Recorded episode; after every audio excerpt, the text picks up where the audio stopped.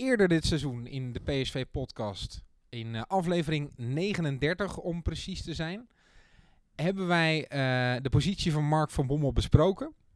En die podcast kreeg toen de titel Mark van Bommel haalt wel de kerst.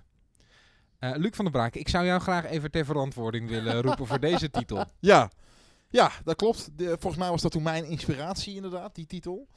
Ehm, ik heb eigenlijk bedacht om de podcast van vandaag te noemen. Eh, Mark Versteden en Yannick Eeling winnen met oudjaar niet de staatsloterij. nou, dat vind ik een goed idee. Had ik bedacht. Ja. Nou, als dat garanties geeft. Je weet hoe het zit met garanties. Dat weet ik. Als je garanties wil, dan moet je een eh, koelkast kopen. Ja. Eh, ja, we gaan denk ik maar een bloemlezing houden uit dit soort clichés. En vooral bespreken hoe eh, het nu verder moet in Eindhoven. Eh, na het vertrek uiteraard van Mark van Bommel. Het aanstellen van Ernest Faber als interim trainer. Eh, er is heel veel te bespreken in deze podcast. Seizoen 3, aflevering 45. Het is Pablo Rosario die hem in de linkerhoek kegelt rechts van de keeper.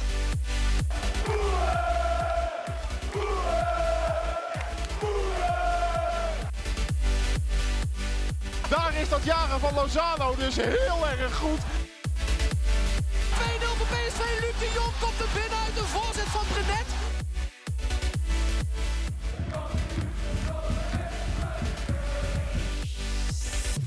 Met Yannick Eeling. Met Luc van der Braak. En natuurlijk ook Mark Versteden. Ja. Ehm, er, er is heel veel te bespreken. We nemen deze podcast op op maandag 16 december. En dat is ook de dag dat Mark van Bommel zijn Waterloo vond bij PSV. En we kunnen dan weer heel erg gaan terugblikken op de afgelopen wedstrijd tegen Feyenoord. Dat gaan we ongetwijfeld ook nog kort doen.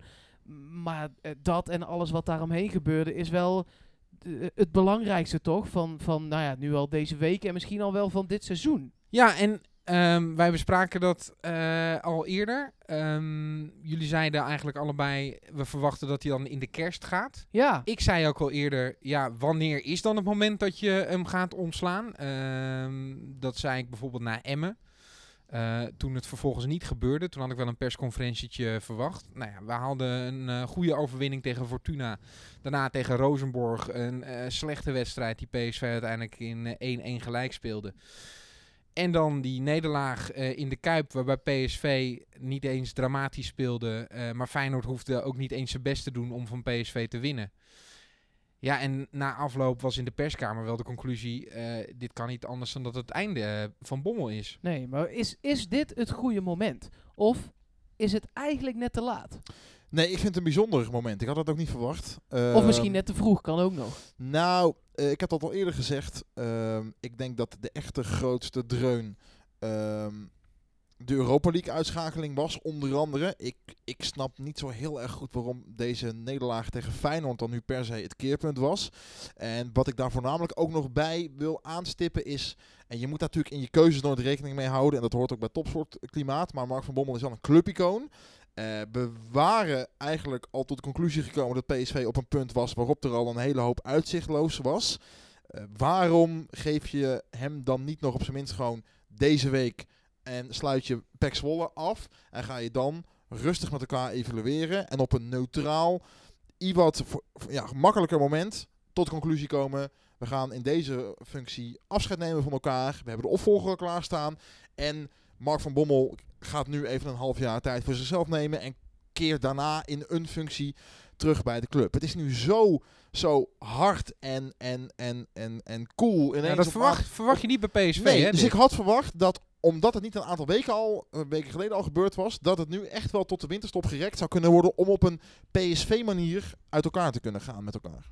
Ja, ehm, ik denk toch ook wel dat eh, en het water aan de lippen staat wat supporters betreft. Eh, want er is wel echt heel veel onvrede inmiddels. Hè? En je kan het op een gegeven moment natuurlijk niet meer verkopen. Dus ik denk dat er de komende week echt wel wat had kunnen gebeuren. Ehm, en de opmerkingen na de wedstrijd eh, van Van Bommel, die PSV een van de beste wedstrijden van het seizoen zag spelen. Ja, dat vind ik op zich al reden voor ontslag. Eigenlijk. Ja, maar we, ga- we gaan het straks nog wel even over, over die wedstrijd hebben ook. Want dat was natuurlijk absoluut niet zo. De, een van Nee. de beste wedstrijden van het seizoen. Als je hem verliest, kan het toch sowieso niet? Nee, en eh, op de manier waarop, daar kunnen we ook nog wel een, een, een, een dingetje over zeggen. Ja, maar wat ik meer probeer te zeggen is, je hebt deze week dan de bekerwedstrijd, hè, GVVV uit. Nou, eh, dan ga je natuurlijk, die wedstrijd ga je winnen. Nou, dan heb je zaterdag heb je PEC Zwolle thuis. Nou, ik verwacht eerlijk gezegd dat PSV daar gewoon dan ook wel een resultaat had gehaald. Al is het maar een, een 2-0'tje, een 2-1'tje. Dan is de situatie ranglijst technisch in essentie nog hetzelfde als dit weekend. Ehm tenzij jullie daar anders over denken. Nou ja, ik behalve dan- zeker anders Ja, behalve dan dat eh, plek 2 sinds dit weekend totaal ook uitzicht is. Hè? En dat eh, ehm, nog een andere doelstelling voor dit seizoen, namelijk voorronde Champions League halen, ook niet gehaald is. En dat had Nou ja, PSV het nog wel nog een kunnen half gaan jaar, bereiken. hè? Ja, Het is 10 nog een half jaar. klopt ja. Ja, Ja, kunnen, ik- kunnen ook nog kampioen worden. Ja, maar ik snap je Ja. punt. Ik snap je Het punt. kan nog. Maar dat had ik meer begrepen als Faber, Ernest Faber, nu voor deze week tot aan de winterstop eh, echt, echt interim was geweest. En er daarna een oplapper was gekomen. à la advocaat, à la Van Gaal, à la eh, Hiddink, eh, noem ze maar op. Eh, en dat is natuurlijk niet het geval. Het Nee, wordt gewoon ik- Faber die het het rest van het seizoen gaat doen. En, en dan denk ik, had je daar dan niet nog een week... eh, ja, ik denk dat ze dit bewust hebben gedaan. Het is namelijk voor een trainer altijd. eh, het kan heel, heel boostend werken. ehm, maar het is als trainer wel lekker als je binnenkomt. Dat je ook meteen aan de bak kan. En dat het ook meteen eigenlijk twee wedstrijden zijn die je kan winnen. Waardoor je dan misschien in de winterstop met wat vertrouwen en nieuw elan kan gaan werken. Want wat nou als je twee wedstrijden wint en dan de klap krijgt dat, als speler heb ik het dan over, en dan de klap krijgt dat je trainer eruit vliegt. Dan ga je die winterstop alsnog niet met een vertrouwen in. Nu heb je die klap, dan heb je twee wedstrijden. Als je die wint, kun je in de winterstop echt aan iets gaan bouwen, eh, aan positieve groei. Eh, terwijl als je dan aan het begin van die winterstop alsnog die klap krijgt, terwijl je net twee wedstrijden hebt gewonnen, dan wordt die winterstop meer een soort, nou ja, lappendeken om, om maar alles te Ja. verhullen. Nee, ik snap, ik snap wat je bedoelt. Ik denk dat, dat daar zeker iets in zit. Het, de keerzijde is wel, maar goed, dat, wat ik net al zeg, dat hoort bij topsport, het topsportklimaat, dat dit Mark van Bommel wel heel veel schade toebrengt op deze manier. En dat dat eh, in de winterstop misschien op een, op een wat menselijkere manier had gekund. Maar goed, daar komt dan toch het belang van de club boven het belang van het individu te staan, om uh, Gerbrands maar te citeren. Maar Ik denk dat Mark van Bommel in alle drie onze ogen alsnog een clubicoon blijft. Ik denk dat hij zo wel herinnerd gaat worden, maar dan absoluut als speler en niet als trainer. Nee, nee dit an- Maar ik ga ze dadelijk eh, even een overzichtje geven van wat hij eh, in zijn trainerscarrière bij PSV heeft bereikt. dit, maar dat eerste half jaar, hè, Ja, dat was zo goed. ja daar komen we zo dadelijk op. Ja. Eh, eh, eh, daar is het ook bij gebleven, kan ik alvast spoileren. Um, zo dadelijk gaan we het ook. En er zijn heel veel namen binnengekomen over de opvolging van Mark van Bommel. Na eh, uh, Ernst Faber natuurlijk nog, want dat is eh, de interim trainer. Maar eerst maar even uitzoomen en terug eh, naar de dag dat dit dan allemaal bekend is geworden. Het ontslag van Mark van Bommel. Dat gebeurde op maandagochtend vroeg. En later op de dag gaf technisch directeur John de Jong wat meer toelichting op dat vertrek? Uiteindelijk hebben we als PSV een reeks van wedstrijden neergezet waarin we 12 wedstrijden, maar twee keer gewonnen hebben. We hebben zelfs zeven uitwedstrijden met twee punten gehaald. Dat is dan eh, in alle competities, maar dat, eh, ja, dat is PSV onwaardig. En uiteindelijk hebben we daarom eh, de beslissing genomen. Het is ook moeilijk, denk ik, om op deze trainersmarkt in de winter of in december tot een goede lange termijn beslissing te komen. Dus uiteindelijk hebben we hiervoor besloten. Ehm, Boudewijn Zender gaat hem assisteren als eerste assistent. Ruud Hes blijft bij de groep. En... Ehm, we gaan wel kijken in de komende dagen en de komende weken hoe wij deze staf kunnen gaan versterken. Eén vraag die we maar meteen ook misschien moeten behandelen, die we ook heel veel hebben binnengekregen via de social media. De man die we nu, nou ja, toch wel het meest denk ik van allemaal aan het woord hebben gehoord. Onze technisch directeur, of hoe heet die? Technisch Ja. manager. Uh, de Jong. Had die niet ook moeten vertrekken? Nou ja, hij is daar zelf ook wel op ingegaan. Um, en uh, kreeg de vraag: heb jij zelf over je positie nagedacht? En uh, John de Jong zei daarover: nee, daar ben ik niet mee bezig. Nee, precies. Maar wij wel. Uh, ja, um, maar de verklaring van, voor hem uh, om dat niet te zijn is dat hij bezig is met de lange termijn. Dat hij een selectie heeft samengesteld. En dat de trainer bezig is met de korte termijn. En op de korte termijn is het dus niet gelukt.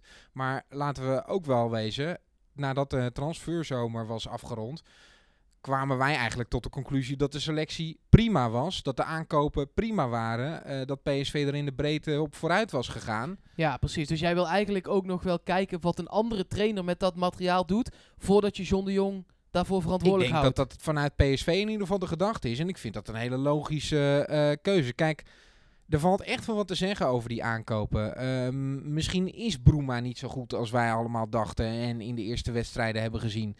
Eh, misschien geldt datzelfde wel voor Baumgartel. Ehm Gutierrez, eh, het is een Mexicaanse international, maar misschien zit daar niet het gif in wat we van een Mexicaan verwachten. Zo kun je bij elke aankoop misschien wel wat eh, aantekeningen zetten. Ja, Ehm, maar aan de andere kant, om met dit materiaal te werken en onder Willem II te staan, onder Lask Lins te eindigen in de Europa League, dat is ook wel wat natuurlijk. ja, nou wil ik bij Bruma wil ik daar eigenlijk nog niet aan. Gewoon omdat dat al eigenlijk uit de tijd van, van Brands komt. Daar zit PSV al vier, vijf jaar achteraan. Ja, maar als je zo lang achter elkaar niet rendeert. Kijk, bij Brands eh, was hij nog een speler die regelmatig speelde. Maar onder eh John de Jong was er dus blijkbaar een heel positief scoutingsrapportje dat bovenaan de stapel is blijven liggen. Eh, ook al speelde eh Bruma nauwelijks. Ja, dan is, het, is PSV een club waar hij opgelapt moet worden. Kun je die aankoop best wel begrijpen. maar heeft PSV daar een inschattingsfout gemaakt? Dat zou best kunnen. Ja. ja. Sportief gaan we het zo nog hebben met dat lijstje wat jij hebt uitgezocht. Waar het is misgegaan. Maar waar, waar is dit buiten het veld eh, zeg maar misgegaan? Want hij heeft het gewoon. Ondanks dat hij daar zelf zeer stellig over was dat hem dat wel ging lukken. Hij heeft het gewoon niet aan de praat gekregen. Nee, en ehm, ik denk ook dat eh, de crisis nog wat langer verhuld is door het ontbreken van Malen en Bergwijn. Dat is ook door meerdere personen binnen PSV uiteindelijk zelfs nog aangedragen als reden van een crisis. Alleen als je ja, wat groter plaatje bekijkt, dan gaat het natuurlijk eigenlijk al gewoon een heel kalenderjaar niet best met PSV. Eh, en de vraag is toch, wat is er gebeurd in die winterstop van vorig jaar, waar het zo uiteindelijk dan toch eh, mis is gegaan? En hoe kan dat in deze zomer niet aan de praat zijn ehm, gekregen?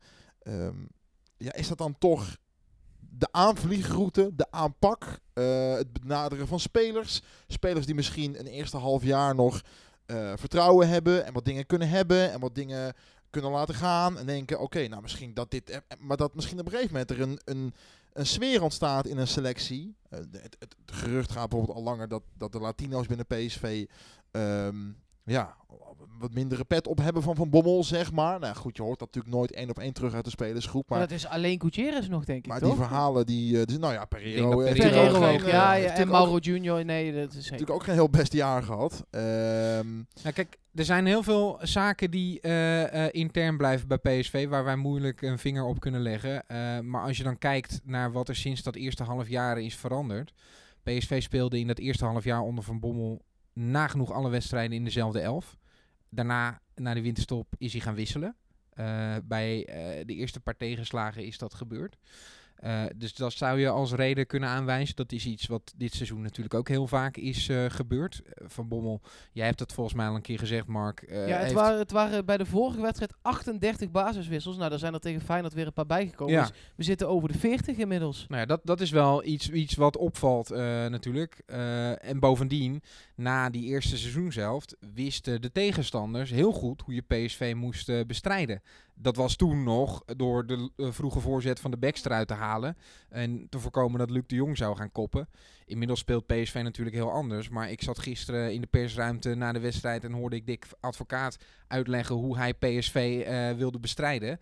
Hij zei, dat middenveldertje mag niet aan de bal komen. En daarmee bedoelde hij Iataren. Hij heeft ver daarop gezet. En hij heeft ervoor gezorgd dat zijn backs hoog stonden. Zodat eh, de vleugelspelers van PSV mee moesten lopen. Nou, dan heb je PSV gewoon. Ja, en als je... Kijk, weet je wat het is? Eh, eh, Op zo'n moment, zo'n tactische fonds kan ook tegen je werken. Want als eh, eh, Bergwijn en Doan aan, aan de zijkanten één keer niet meelopen... en de bal wordt veroverd, dan ben je ook weg Absoluut. met drie man. Absoluut. Alleen, eh, ja, op dit moment is PSV gewoon zo slecht in vorm... nou ja, dat ze niet, zich niet onder dat soort tactische fondsen kunnen uitvoetballen. En uiteindelijk, over tactische vondsten gesproken, hebben we natuurlijk niet zo heel veel tactische vondsten van Mark van Bommel gezien.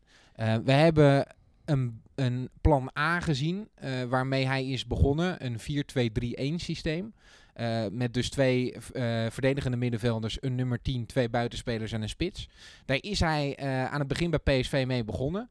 En vanaf het moment dat dat niet werkte, heeft hij niet iets tactisch omgegooid, maar is hij binnen dat systeem gaan wisselen met spelers verruilen voor andere spelers. Ik vind dat wel een brevet van onvermogen. Dat je, dat je niet een plan B hebt. We hebben nu de laatste nou, tien wedstrijden wat vaker gezien dat of Rosario of Thomas eh terugzakten tussen de twee centrale verdedigers. En dat de backs wat hoger gingen staan. Maar dat is ook niet echt een plan B. Het is meer een soort plan A anderhalf, zeg maar. En ik vind dat wel een brevet van onvermogen dat je niet een keer 4-4-2 hebt geprobeerd met keer Bergwijn en. Malen voorop. Toen Sadilek eh, een soort linker middenvelder werd. Ja, klopt. De enige keer dat ik het heb gezien. Maar Ja. onder Cocu bijvoorbeeld hebben we meerdere speelsystemen gehad. zeker in Europa en eh, eh, zeker bij wedstrijden waar het slecht ging, durfde hij gewoon eh 5-3-2 te gaan spelen. Of eh, eh, hij durfde dat wel aan. En Van Bommel niet. Nee, maar Van Bommel durfde natuurlijk ook de afgelopen eh, jaar op wat middenvelders na ook gewoon niet eh, op spelersniveau eh te roleren. Natuurlijk heel lang Gutierrez, Thomas, Rosario, Hendricks, die discussie gehad. Eh, maar goed, achterin staat het natuurlijk al wedstrijden lang ehm, op, op cruciale plekken, zoals het al heel lang staat. Dan noem ik voornamelijk Sadilek bijvoorbeeld even. Maar ja, die wordt dan noodgedwongen eh, vervangen afgelopen eh, wedstrijd tegen Feyenoord. Maar ja, als je ziet wat dan zijn vervanger Boskakli doet bij die 1-0, dan kan ik me ook voorstellen dat je als Mark van Bommel je haren uit je hoofd trekt en denkt, ja, wat ik ook tactisch doe, hoe ik het ook neerzet, welke spelstijl ik ook mee wil geven. Als je zo als een oud wijf je duel aangaat in de 16 en geen idee hebt waar je tegenstander is, dan snap ik ook dat je zo iemand misschien niet durft op te stellen. En Ja. dat je dus maar vast blijft hangen aan Sadilek. Eh, wat wel vreemd is, is de teneergang van Baumgartel. Waar is dat misgegaan? Nou ja, Hoe- zag je hoe Swaap die voorzet eh, Precies. aan het verdedigen En was. dat is nog, het, dat is nog het, het meest, allermeest vreemde. Daniel Swaap is eh, na het vertrek van bijvoorbeeld Isimat en zo echt de belangrijkste verdediger van PSV geweest. Samen met Viergever. Was echt een goed duo. Die is notabene volgens mij op mede voorspraak van Van Bommel nog teruggehaald dit seizoen. Onder andere voor de ervaring. En dat is een andere speler geworden. Ja, die, Die is in die is paar maanden in Duitsland. Ik weet niet wat hij gedaan heeft. Maar dat is er niet beter op geworden. Dus de conclusie is dan, spelers die vorig jaar nog rendeerden, doen dat nu niet meer. En de stand-ins die aangetrokken zijn om eventueel een ander plan mee te eh, kunnen gaan spelen. Ja, die gaan als een, als, als een oude juffrouw hun duel aan. En laten we heel eerlijk zijn, de wissel Zoet Oenerstal. Ja, ja. Ja, eh, Overtuigend is het nog niet, hè? nee. maar, maar eh, neem je de hoe... je neemt het voor Bommel kwalijk, maar, maar hoe, zeg maar, als in... Nou, ik, ik, ik weet niet of het van Bommel kwalijk nemen is. Ik denk dat je eh, kunt, je twijfels kunt zetten bij of Mark van Bommel eh, people manager is. En dat hoort toch wel bij het zijn van trainer. En dat is een interessante discussie die ik zeker, die ik nergens lees en die ik ook wil eh, voeren. Als trainer hoef je niet per se people manager te zijn. Als je maar iemand in je staf hebt die dat op kan vangen. Hè. Die Ja. Het is ook niet... die eh, voorbeelden zijn legio, hè, van Ja. mensen die niet eens op het veld staan, maar gewoon trainers die gewoon de grote lijnen uitzetten en die dan assistenten hebben waar spelers bij kunnen tussen haakjes uithuilen of je snapt wat ik bedoel. Sir Alex Ferguson was volgens mij een hele slechte people manager. Maar Robbermond en Dirks, volgens mij zijn er al twijfels geweest toen bij de aanstelling van is dat niet te licht, is dat niet te, Ja. te, te zwak? Opvallend dat die er ook uit zijn, hè, samen met nou ja, opvallend, zegt dat niet alles over het probleem. Eh, ja, dat vind ik wel. Eh, want ik, eh, ik, ik- ik- toen ik hoorde dat zij er ook uitgingen, dacht ik... Ja, hij, Van Bommel heeft ze zelf uitgekozen, hè? Dus eh, het is wat dat betreft zijn eigen schuld, om het zo maar te zeggen. Maar toen ik hoorde dat die twee meegingen, dacht ik wel meteen... En we hebben het daar in de podcast ook wel eens over gehad. Hè, is het niet gevaarlijk dat Van Bommel daar zijn eigen vriendjes kiest... ehm, en eigenlijk daar niemand met echte ervaring heeft zitten... Ehm, ik denk dat dat uiteindelijk wel echt is gebleken ook. Want wat was hun toegevoegde waarde? Daar hoorde je nooit wat van. Daar zag je eigenlijk nooit wat van. Het was altijd Van Bommel die alles verdeelde en heerste. En hij had nog twee assistenten. Dat was het. Overigens eh, blijft Hesp wel. Ja, die wordt zelfs niet alleen keeperstrainer, maar nu ook assistent. Waarbij eh, eh, dat wel opvallend is gezien de keepersdiscussie en wat daarbij is gebeurd. Ik denk toch dat je als keeperstrainer toch ook eh, op zijn minst mede verantwoordelijk bent voor het inlichten van de keepers rondom keeperswissels. Je bent en- de verantwoordelijke, vind ja, ik. dus eh, ik zat ook nog na te denken, hoe zou dit nou bij Jeroen Zoet aankomen Ja. dat de trainer weggaat? Maar Dat- ik denk dat het voor hem helemaal niks betekent. Ik weet, ik, ik, daar ga ik niet helemaal in mee. Omdat ik me, we komen net tot de conclusie dat we het gevoel hebben dat Van Bommel op alle vlakken de lijnen uitzet. En ik denk ook, ik ken de man natuurlijk niet persoonlijk, maar ik denk ook, en zeker gezien het karakter dat we wel eens op het veld hebben gezien, dat dat wel zou kunnen kloppen. Dat het gewoon is, ik zie dat zo, dus we gaan dat zo doen. Toch? De- Tot die conclusie kunnen we ja, komen. absoluut. En dus denk ik ook dat hij een groot aandeel heeft gehad natuurlijk in de hele Zoet Oenerstal affaire. Nou, laat ik het dan... En dat, dat de keeperstrainer best gezegd zou kunnen hebben van... joh, moeten we, is het wel verstandig? Is dit wel het moment? Maar dat het gewoon, omdat Van Bommel de hoofdcoach is, dat het toch gebeurd is.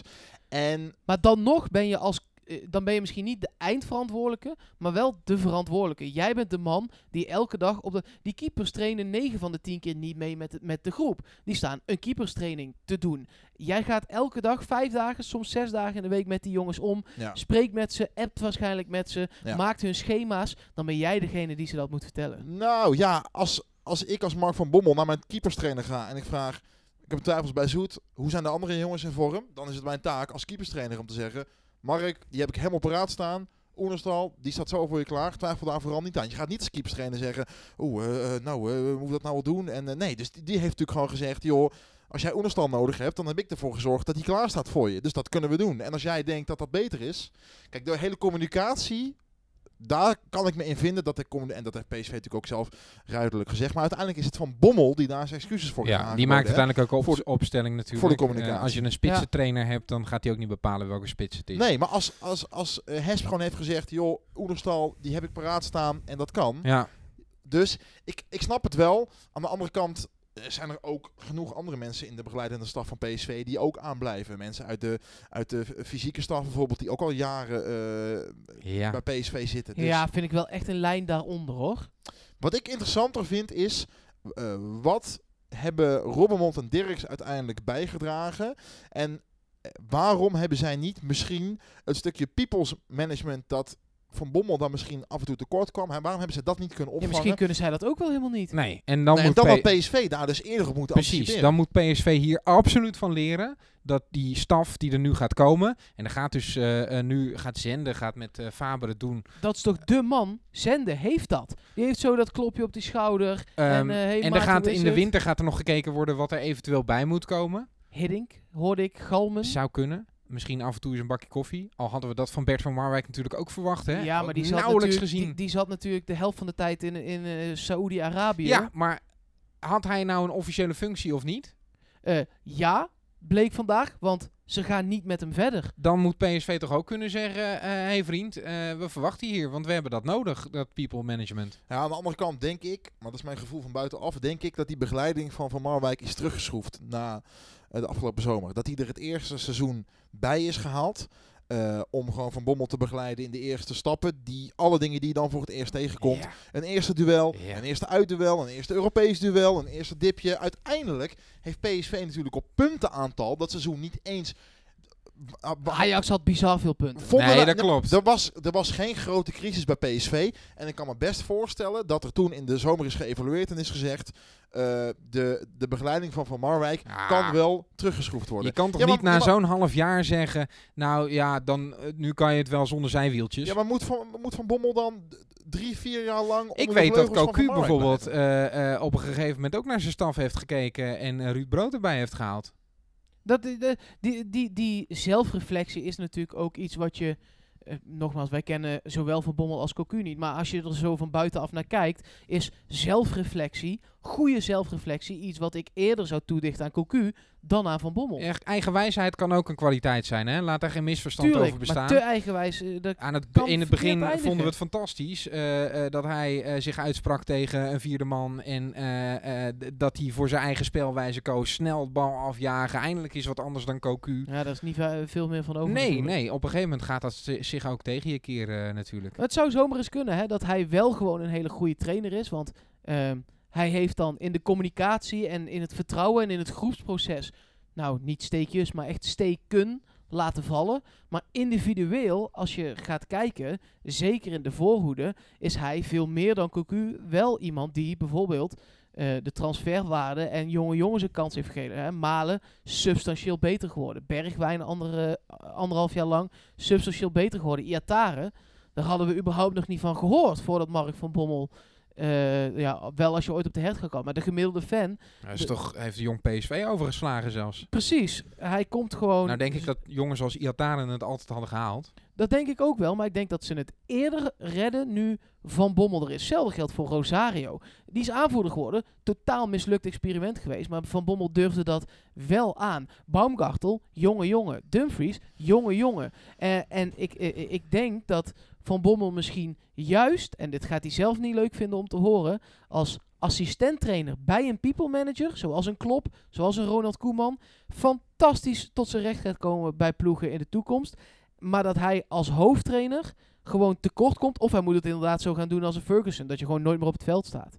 Dat je gewoon de opstelling bedenkt. Nou ja, en, en, maar Mark, wat heeft hij dan wel? Want eh, hij laat daar jonge Blijkbaar jongens... heeft hij het talent om jonge jongens, om iets in jonge jongens te zien. En ze ook dat te laten durven te doen. Ja, maar het is dus niet iemand die people management skills heeft. En hij heeft geen tactisch vernuft. Misschien is hij gewoon een, hele goede individuele trainer. Of een hoofd jeugdopleidingen, want die zoeken we nog. Ja, en ik, ja, en ik die vind zoeken ook, we nog. ehm, ik ben met je eens dat Mark van Bommel het aandurft om jonge talenten de kansen te geven. Maar ik vind niet dat, dat hij eh, ervaring heeft om dat op te staven, dat hij dat kan doen. Want ehm, Rosario zo belangrijk maken als hij is, dat is uitgepakt als niet goed. Pak nu bij Dumfries ook niet best uit, hè? Bij Dumfries eh, pakt dat ook niet best uit. Ihatare is leuk dat hij het zo goed doet. Maar wat al eerder gezegd is, als die nu een instorting krijgt en een, een half jaar niet presteert, dan kun je hem dat niet kwalijk Nee, nemen. absoluut niet. nee, natuurlijk jongen moet nog als je- 18 worden. En als dan zelfs de ervaren rotte binnen je eh, ploeg, Daniel Swaap, die niet functioneert, Jeroen Zoet, die onzeker overkomt, Viergever, die rode kaarten pakt. Eh, als je die dan niet ter compensatie wel op een op zijn minst acceptabel niveau hebt, ja, dan blijft er uiteindelijk wel weinig over. En dan is het ook moeilijk om uit te leggen dat je zoveel eh, jongens, jonge jongens een kans geeft, als ze dan niet brengen wat ze moeten brengen. Wel transferwaarde natuurlijk flink verhoogd. Ja, maar ja, eh, de transferwaarde van Jeroen Zoet is verdampt. Eh het nou, hele geval Pereiro, daar kun je natuurlijk ook uiteraard Schoot weer een fantastische bal binnen. zijn, zijn zaakwaarnemer en. Pereiro zelf daar natuurlijk ook debet aan. Maar goed, Pereiro gaat natuurlijk uiteindelijk ook eh, gratis de deur uitlopen. Ik denk dat als hij had verlengd, en ze kunnen bij PSV wel zeggen van niet, dan had hij gespeeld nu. Ja, dat denk ik ook. Ja, Gezien zijn klasse en zijn kwaliteit. Ik denk eh, eh, absoluut eh, eh, dat daarnaar gekeken is Maar het inderdaad. is natuurlijk pijnlijk voor, voor Van Bommel en PSV tezamen dat Pereiro gewoon drie maanden op de bank zit. En dan nu twee keer sporadisch even af mag komen en meteen twee ballen binnenschiet. Absoluut. Eh dat, is, dat is natuurlijk wel... Dat, Gezien het eh, scorend vermogen is dat eh, extra pijnlijk. Want eh, Ik denk niet dat hij op 10 had gespeeld overigens, maar hangend op rechts. Pereiro. ja, Dan. of eh, afwisselend met, met Iatare. Ja. We- maar goed, Pereiro, Pereiro is natuurlijk eigenlijk eh, het type Gutierrez met scorend vermogen. Ja. Ja, en, maar ook wel ook die laksheid die we hebben Precies, dat bedoel ik ook. Dat bedoel ik ook Ja. met type Gutierrez. Want Gutierrez ook, ja, ehm, dat is natuurlijk ook gewoon wel een pijnpunt uiteindelijk ja, geworden, vind ik. Ik vind dat daar toch inmiddels wel eh, prestaties van verwacht, eh, verwacht mogen worden. Ja. Dat schijnt hij zelfs over ook te vinden, las ik in een interview. Ja, nee, zeker. Wo- Wordt er dan bij PSV misschien, dat denk ik dan, eh, te snel gehandeld als de roep om een aankoop daar is? Ehm, bijvoorbeeld van een trainer. Laten we niet vergeten dat Van Bommel op eigen houtje Behic en Sainsbury naar Eindhoven heeft Nou, gehaald. Ik vind ook dat PSV daar dus van moet leren. Dat, dat we dat niet meer gaan doen. Eh, en de roep van supporters. Eh, of, en een speler die je al hebt. In het geval van Gutierrez met Lozano en de supporters die riepen... Haal hem nou, haal hem nou, want we hebben twee filmpjes op YouTube gezien. Ja, het Maar kan, ik deed daar zelf ook aan mee, hè. Dus dat is ook... Maar nou, ja, maar Mexicaanse international, Mark. Toch? We zien hem daar ook eh, af en toe spelen. Dat doet hij hartstikke goed. Ja, maar de scouting van PSV werd altijd geroemd. Daar was John de Jong eh, de hoofdscout van, de, de, de baas van. De, de- die werden geroemd. En, en ja, nu eh, is het miskoop op miskoop. En dat begon bij, bij Sainsbury, Behic. Nou, er voetbalt er nu ergens eentje in Argentinië. Die schopt geen deuk in een pakje boter. De duurste zit op de bank. Eh, de ene na duurste ook op de bank. Ja, dat is wel pijnlijk Zeker, hoor. absoluut. Ehm, ja, ik, ik weet niet of dat op korte termijn gaat veranderen. En zoals gezegd, eh eh John de Jong die gaat zijn biezen niet pakken. Nee, nee, dat is gebleken. Ehm, dus we gaan in ieder geval kijken hoe het verder gaat qua, qua trainerskorps bij eh, PSV. Weten jullie nog de eerste officiële wedstrijd die Mark van Bommel aan het roer stond? Echt, echt officieel? Ja, officieel? ja, ja, ja, echt waar ja, de prestatie de boeken inging. Ja, zal Europees zijn geweest. Nee, het was een Johan Cruijffschaalwedstrijd. eh overigens tegen Feyenoord. Eh, die verloor PSV eh, uiteindelijk na penalties of-. Ja, precies. Dat klopt, Ja, ja, dat was het begin. En daarna, we hebben het net al gezegd, kwam die eerste seizoenshelft waarin PSV alles won, behalve Feyenoord uit. Die kunnen we altijd als nederlaag invullen, dus ook in dat seizoen. Eh, via de Champions League heeft hij zich toen nog geplaatst, eh, of via de voorrondes eh, tegen Bata Borisov. Toen gingen we de groepsfase van de Champions League in. Een jaar geleden zaten we nog in Camp Nou, in Giuseppe Meazza en op Wembley. En zo snel kan het gaan, hè? Ja, ja dat, kijk, dat was natuurlijk een lastige pool. dat, is wel duidelijk. dat een lastige pool? Dat was een lastige Oh. pool. Ja, Ja, Daar, daar heb ik hem toen weinig voor kwalijk genomen. Want PSV deed nog best wel leuk mee soms. Ja, zeker. Ik heb nog even die wedstrijd Barcelona-PSV teruggekeken. Dat Messi daar eh, tien minuten voor tijd eh, binnenkwam. Als En Messi, En er een paar inschoot, ja. als Messi niet meedoet, daar win je gewoon, hè? Of minstens 0-0. Maar die, was gewoon een grote Messi-show. Ja, ja, PSV haalde uiteindelijk twee punten in die pool. Gelijkspelletjes tegen Tottenham en tegen Inter. Eh, dat is niet per se een schande. Kwamen ook wel, al eh, hebben we daar ook wel gezien dat er continu werd vastgehouden aan dezelfde speelstijl. Hè? Zeker. Ik kwam wel een paar keer op voorsprong. Dat Ja. je echt dacht, nou, Rosario tegen Inter kan ik me nog goed Nou, herinneren. Mark van Bommel heeft al vaker gezegd dat eh die een, een halve goede wedstrijd, dat hij daar heel blij mee kan zijn. Dus Ja. ja, misschien was dat toen ook wel zo. Eh, in 2019, begin van dit kalenderjaar, ging het natuurlijk helemaal mis. Hè? Eh, vanaf de wedstrijd tegen Emmen een karrevracht aan punten verspeeld. Eh, ja, dat, dat verhaal is wel bekend. PSV heeft zes punten losgestaan van Ajax. Hè? Na de 21ste speelronde de stonden we gewoon zes punten los. Heel veel punten verloren. Uitgeschakeld in de voorronde van de Champions League begin dit jaar tegen Basel. Naar de Europa League via FK Haugesund en Apollon Limassol. Uitgeschakeld in de groepsfase in een pool met eh, Sporting, Lask en Rosenborg. Dat had ook nooit mogen gebeuren natuurlijk. Ja, we en- wonnen gewoon de eerste twee wedstrijden, hè? ja Er zat dit seizoen nog een blok van een wedstrijd of acht, waarin het fantastisch ging. Zeker. We waren ook eh, zeer positief. We dachten, nou ja, eh, PSV kan dit seizoen ver komen in de Europa League. We hadden een talentvolle ploeg. de boel ging draaien daarvoor in. Malen ja, die, die presteerde boven verwachting. Eh, dus ik had er echt wel zin in eh, na de winter. Ehm, en ja, het is, het is zonde dat PSV dat uiteindelijk niet over de streep heeft weten te trekken in die thuiswedstrijd tegen Lask. De gigantisch hard is afgegaan in die uitwedstrijd bij Lask.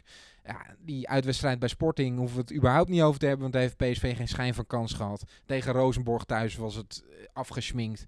Ja, en in de competitie staat PSV nu 10 punten achter op Ajax en AZ. En eh, moet het eh, proberen om Feyenoord van zich af te houden, Utrecht van zich af te houden en Willem II van zich af te houden. Ja. Het is niet best, hè, als je het allemaal zo op een rijtje zet. Nee, er is ook eh, alles te zeggen voor dit besluit natuurlijk. Ja. Ehm, maar goed, ik ben wel benieuwd hoe dit, hoe dit eh, komende halve seizoen dan gezien wordt door PSV. Ik vind de, de beslissing om nu Faber te laten afmaken, vind ik wel een teken van berusting in wat er nu is. En dat dit het ook wel zou kunnen worden. En dan wordt dus het komende jaar, eh, komende half jaar, wordt gebruikt om ja, echt klaar te gaan stomen voor die zomer Ja. waarin dan de nieuwe coach met een nieuwe staf zou moeten komen. Dit is natuurlijk niet een signaal van, oké, eh, we doen het nu een week lang met Faber en daarna gaan we een, gaan we een crisismanager halen die nog er alles aan gaat doen om het om te keren, op wat voor manier dan ook. Nou, dat verbaast mij wel, dat ze Faber meteen voor Ja, het hele jaar doen. Want Ja. eh, wij hebben het er buiten deze podcast natuurlijk al wel even over gehad ook. Ik had verwacht, Faber is logisch. Eh eh, Robbermond heeft zijn papieren. eh, eh, eh, nou ja, dan hield het al snel op ook, zeg maar. Hè, van Marwijk ook, maar je, je gaat je schoonzoon niet opvolgen. Nee, Nee, dat dat- was gezellig geworden eh, ja, de komende Het weken. is Ja. bijna kerst. Dan eh, had Ja. de, de, de kalkoen was vrij lomp gesneden, denk ik, eh, met een shredder. Ja. Ehm, maar dan kom je al snel bij Faber uit. Want de volgende wedstrijd, op het moment dat je Van Bommel ontslaat, is gewoon over 60 uur. Dus je, je hebt ook niet heel veel keus, zeg maar. Ehm, Nee, dus- maar goed, ik had verwacht dat ze dan in de winterstop al Ja. wel met iemand zouden komen. Nou ja, en, en misschien je daar niet eens op eh, vastpinnen, maar gewoon zeggen: Ernest Faber is het tijdelijk. En wanneer we iemand definitief hebben, dan hoor je dat wel. Dan hebben we iemand, ja. Maar ik vind het wel heel bijzonder dat er nu echt voor het eind van het seizoen gekozen wordt. Wat wel de gelegenheid geeft om iemand eh, eh, eventueel over te nemen met een aflopend contract. Of iemand die een land coacht op dit moment. Eh, maar er zullen ongetwijfeld ook trainers vrijkomen eh komend half jaar.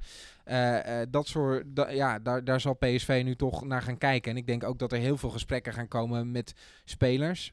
Iataren wordt in februari 18, kan zijn contract gaan verlengen. Dat gaat hij echt alleen maar doen als hij een goed verhaal krijgt bij PSV. Anders is hij weg. Eh, en ik denk dat er met heel veel spelers binnen PSV gesprekken gevoerd moeten gaan worden. Maar met name met hem. Grootste uitdaging. Maar dat is eigenlijk niet de uitdaging voor de trainer natuurlijk, maar voor de, Nee, voor de club. voor de club. Voor de Jong. Ja, maar hij zal toch ook wel kijken wat voor verhaal een nieuwe trainer heeft en wat voor verhaal PSV heeft. eh, en, en wat voor visie daarop losgelaten Hij zal wordt. zijn oor ongetwijfeld te luisteren leggen bij de sterkhouders. Ja. Als hij slim is. Nou ja, Ihatare gaat natuurlijk komende zomer sowieso aanbiedingen krijgen. En die wil gewoon weten, oké, wat is het plan dan? Wie gaat het doen? Eh, hoe, zien we dat, hoe zien jullie dat voor je? Ik, ik, tuurlijk praat ik eh, eh, voor, voor, de, voor PSV en ben ik fan van PSV en hoop ik dat hij nog jaren bij PSV voetbalt. Maar ik zou het ook wel echt goed vinden voor hem. Dat hebben we wel vaker gezegd. 17 hè. Als hij nog minstens één jaar, maar misschien nog wel twee jaar gewoon bij PSV voetbalt. Moet hij ook doen. En dat dipje hier krijgt. Moet hij ook doen, want eh, eh, zoals gezegd, hij moet nog 18 worden. Hij gaat die dip ook echt nog wel krijgen. En eh, nou ja, als je dan in een grote competitie speelt, dan zijn er voor jou drie anderen. Nu is er bij PSV nul anderen.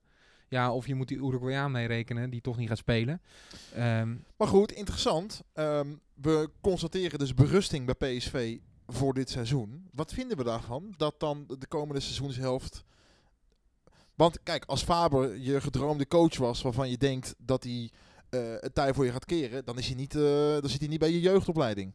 Dan heeft hij al langer een aandeel in je staf natuurlijk. Dus dit is een keuze voor iemand waarvan je denkt, oké, okay, is een man van de club, die kent de club, die kan de boel nu rustig gaan managen. Die gaat een paar puntjes halen voor PSV. Kan er misschien ook een paar verliezen, maar die kunnen we op zijn minst op een plek zetten. Omdat de supporters ervan uitgaan en weten dat er de komende zomer toch iets gaat gebeuren. Maar hier blijkt natuurlijk niet uit dat je iemand aanstelt waarvan je nou ja, er op zijn minst van uitgaat, die gaat voor ons nog 10 punten richting AZ of Ajax winnen. Zoals dat bij Feyenoord bijvoorbeeld wel is gedaan. Die hebben wel heel bewust gekozen voor, oké, we halen nu voor de korte termijn advocaat om dit seizoen er nog alles uit te halen wat erin zit. En met alle respect naar Faber toe, dat is hij natuurlijk niet bij PSV. Want als men hem dat hem zo had gezien bij PSV, dan had hij natuurlijk, was hij of ooit al hoofdcoach geworden voor langere tijd, of hij had een aandeel.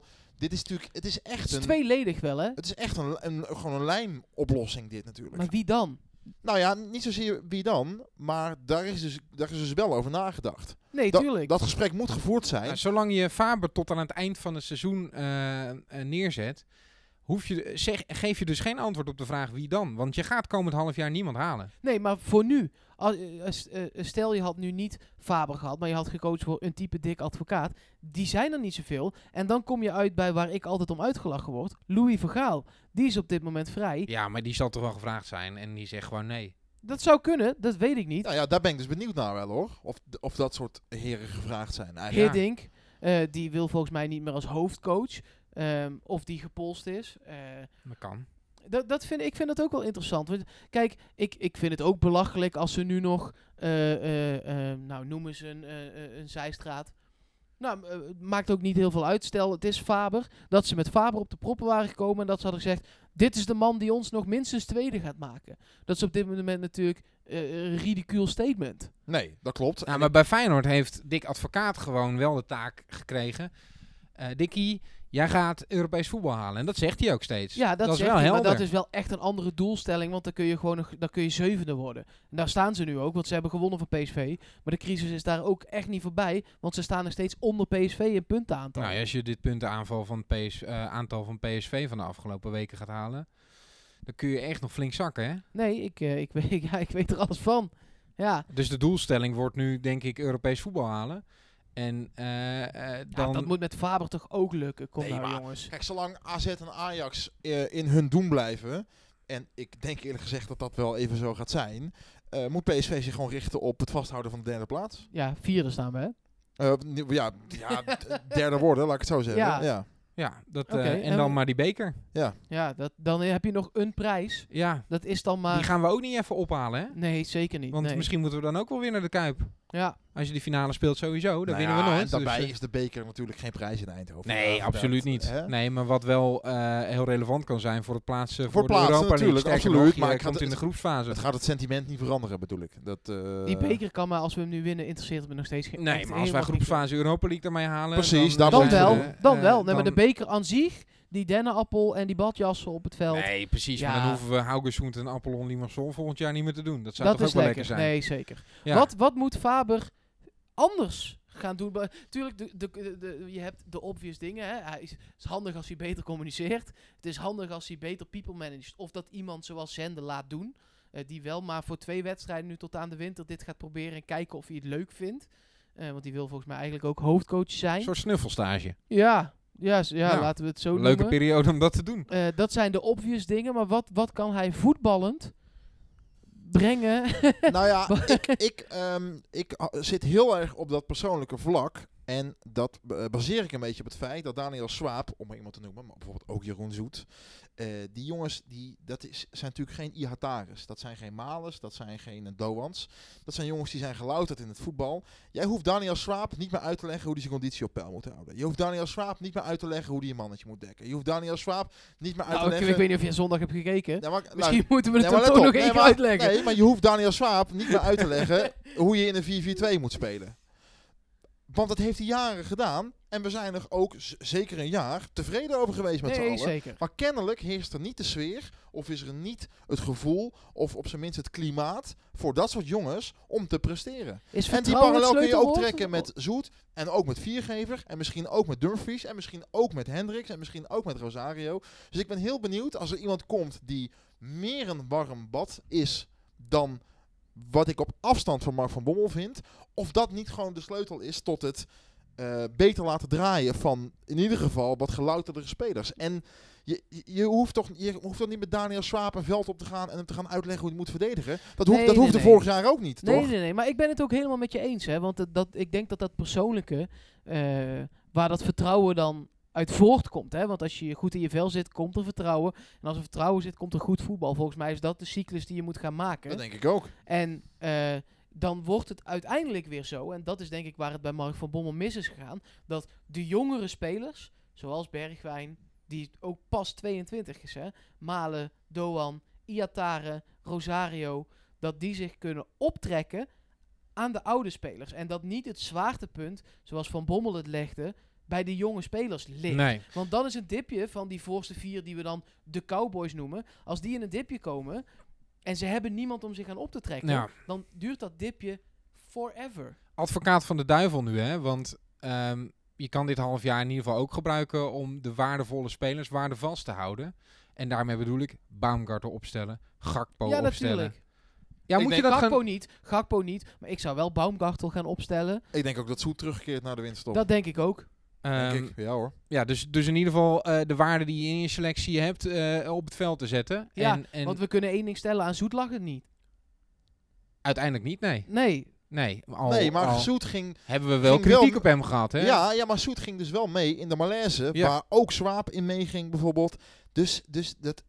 Ik denk dat in de tijd dat die beslissing genomen werd, dat dat toen nog te veel eh, dat er geënt werd op, op personen. En dat misschien uiteindelijk gewoon in het grote geheel gewoon iedereen een stapje achteruit heeft gedaan in niveau op alle vlakken. En als uiteindelijk een 17-jarige jongen die ook nog eens een hele zware periode in zijn leven doormaakt, wedstrijden lang je beste man is en waar je je op focust om maar iets te doen.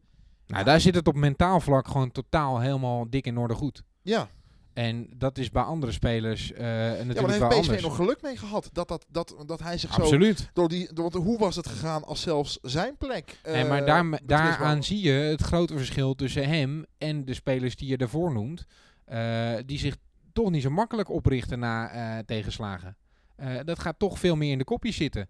Ja. Eh, en, en dat is natuurlijk wel, eh, wel pijnlijk. En eh, er is ook wel over gesproken van, goh, moeten we in de winter echte winnaars erbij gaan halen? Want eh, ontbreekt het daar niet aan in de selectie? We hebben het ook wel eens gehad over dat misschien in de selectie van PSV wel het type Mark van Bommel zelf ontbreekt. Eh, hij hoopte heel, zelf heel erg dat Rosario dat zou gaan zijn. nou ja, dat is niet, niet gebleken. Nog niet, nee. Nou, Ehm, Thomas is dat eerder dan Rosario, ja. toch? Dat Ja. denk ik ook. ja, maar die is nu weer geblesseerd. Voor hoe lang weten we niet. Ehm, maar moet PSV eh, met geld gaan smijten in de winter? Oneerbiedig er gezegd hoor. Mo- mo- moeten er aankopen komen? Nee, want alle spelers zijn te duur en worden aangetrokken onder een trainer die er volgend seizoen niet meer is. En dan, dan win je straks alles in de tweede competitiehelft. En dan word je nog derde. Dan word je nog tweede of derde. Denk je dat eh, Ernest Faber Tony Lato gaat spelen, eh, laten spelen? Ik wilde het erover gaan hebben. Ik, ik, dat zou me niks verbazen. Dat hij in één keer geweldige verdediger Voor blijkt te zo'n- zijn. Nee, maar voor Oei, zo'n oei, oei, jongen- maar als dat gebeurt, Maar hè? voor, nee, maar voor zo'n jongen kan zo'n ommekeer natuurlijk wel. Eh, eh, eh, ik kan me, het kan niet zo zijn dat die jongen er niks van kan. Jeugd International. Bij Valencia tegen het eerste aan hikken. Volgens mij heeft hij 50 Sorry. wedstrijden gespeeld. Ja, maar niet, niet alles, zeg maar. Hij was niet... Nee, maar- hij viel voornamelijk wel in, Ja. maar dan nog. het kan niet dat die jongen er niks van kan. En nou ja, als iets hem aan de praat kan krijgen, dan is dit hem wel, toch? Laat hem tegen GVVV vooral 90 minuten maken. Ja, eh, al is dat misschien dan wel heel vroeg. Eh, 60 dan zou vooruit. kunnen. Ja. Ja, ik ben sowieso wel benieuwd naar die opstelling tegen GVVV. Ja maar, ja, maar als je naar het materiaal kijkt in de basis, heeft PSV natuurlijk fantastische spelers, toch? Laten we wel wezen. Ja, meerdere internationals. Eh, Precies. eh, Dick Advocaat eh, gaf dat ook aan. Die zei, eh, PSV is wel een tegenstander van formaat. Individueel zijn ze beter. Eh, en dat is ook echt zo natuurlijk. Ja. Dus, eh, eh, Maar het, we verwachten toch ook niet met de aanstelling van Faber tot het einde van het seizoen dat PSV eh, in de winststop grote spelers gaat halen. Nee, nee, want dan Toch? ga je er een trainer neerzetten als tussenpaus. En dan ga je daar heel erg in investeren. In spelers die misschien de trainer die over een half jaar komt, precies. eh, wel helemaal niet meer wil. Dus dat gaat niet gebeuren. Kijk, als Faber nu voor een week het was geworden en je hebt iemand op het oog waarvan je vermoedt dat hij na de winterstop wel wil doen, kijk, dan snap ik dat je misschien nog de buidel ja, trekt. precies. Eh, maar nu moet je gewoon dit seizoen. En daarom stel ik de vraag van hoe moet je nou het, het komende half jaar. Dat is iets wat je bij Ja, PSV. het is fijn om te zeggen, Nou, maar het het is gewoon uit, uitfietsen. Ja, dit. jij hebt bij PSV zelden voor mijn gevoel meegemaakt dat je nu al constateert dat. Ja, hoe ik het in ieder geval op dit moment zie. Dat het komende half jaar inderdaad, dat neigt gewoon naar uitvoetballen te gaan. we inderdaad. hebben wel een keer een tussenpauze gehad Oh, natuurlijk. En die ja. naam is eh, ook nog wel gevallen eh, Ja. na de wedstrijd. Eh, we weten het nog hè, met de snor. Ja. die ons die uiteindelijk zelfs nog kampioen heeft eh, gemaakt. Sef, Zingen, Sef, ja, dat was top. de supporter Mark Versteden komt even naar boven. Eh Sef Vergozen, ja, dat was de tussenpauze puur zang. Maar ons kampioen. Maar die kreeg een duidelijke doelstelling. eh, Maar en was daar moest, 10 alles voor, toen? daar moest alles voor wijken. De afstand? Ja, wat moest, hij, wat moest hij toen goed maken? Nou, ook wel wat hoor. Was later in het seizoen ook, toch? Eh, volgens mij eh, redelijk eh, eh, al vlak na de winterstop. Ik, eh, Maar zoek dit vooral even jullie, op. eh, Eh, doorpraten, Overigens heb ik opgezocht hoeveel wedstrijden Tony Lato heeft gespeeld. In La Liga waren dat er 28. Ja, nou, dat zijn er al 28 meer dan eh, een groot deel van de selectie Ja. voor PSV op ja, dit moment. correct. Eh, Mag ik, en de, de, de laatste keer hè, dat PSV er zo slecht voor stond, eh, ging het het jaar daarna echt veel. Toen hebben we zelfs rechter rijtje gestaan even. Hè? Kun je je dat nog ja, herinneren? ja. Dus eh, het jaar daarna en de jaren daarna onder Cocu waren fantastisch. Ja, eh, dat is zo. Dus het hoeft niet alles te zeggen. Ik, ik hoor heel veel mensen ook doemdenken nu dat dit voor jaren aan een stuk dit gaat zijn. Eh, da- daar wil ik echt nog niet in mee. Dit Ja, want nee, gewoon- als je naar individuele kwaliteit kijkt, dan kunnen wij bij AZ ook nog wel aanhaken natuurlijk. Nee, tuurlijk. Dat vind, Eh, ben ik Ajax is eh, uit zicht eh, op individueel niveau, maar eh, bij AZ is dat natuurlijk Ja, niet per daar se gaat het ook geval. iedereen vertrekken. Het Ja. blijft een Nederlandse competitie. Hè. Je kunt een bak geld hebben zoals Ajax. Maar je ziet ook dat mensen zoals... Eh, Natuurlijk heeft Ajax een fantastische tijd eh, achter de rug. Het begint nu ook gewoon minder te worden als daar twee, drie spelers ontbreken. En dan gaan er in de zomer weer twee of drie weg. Het wordt gewoon minder. Vergozen kwam inderdaad in januari al. Dat was natuurlijk na Koeman en de trein. En toen heeft Ja. Jan Wouters het nog een eh, wedstrijdje of twee gedaan, geloof ik. En toen kwam Vergozen. Dus die had ook wel een half jaar. Ja, maar Koeman ging niet weg omdat het slecht ging. Dat is wel echt anders in trainer worden. Ja. Dus ik heb het idee dat toen dat hij ook wel een minder grote uitdaging had dan Ja, een dat, eventuele eh, coach nu bij dit heeft nog PSV. heel goed gedaan, ook in eh, eh, wat toen de UEFA Cup eh, was.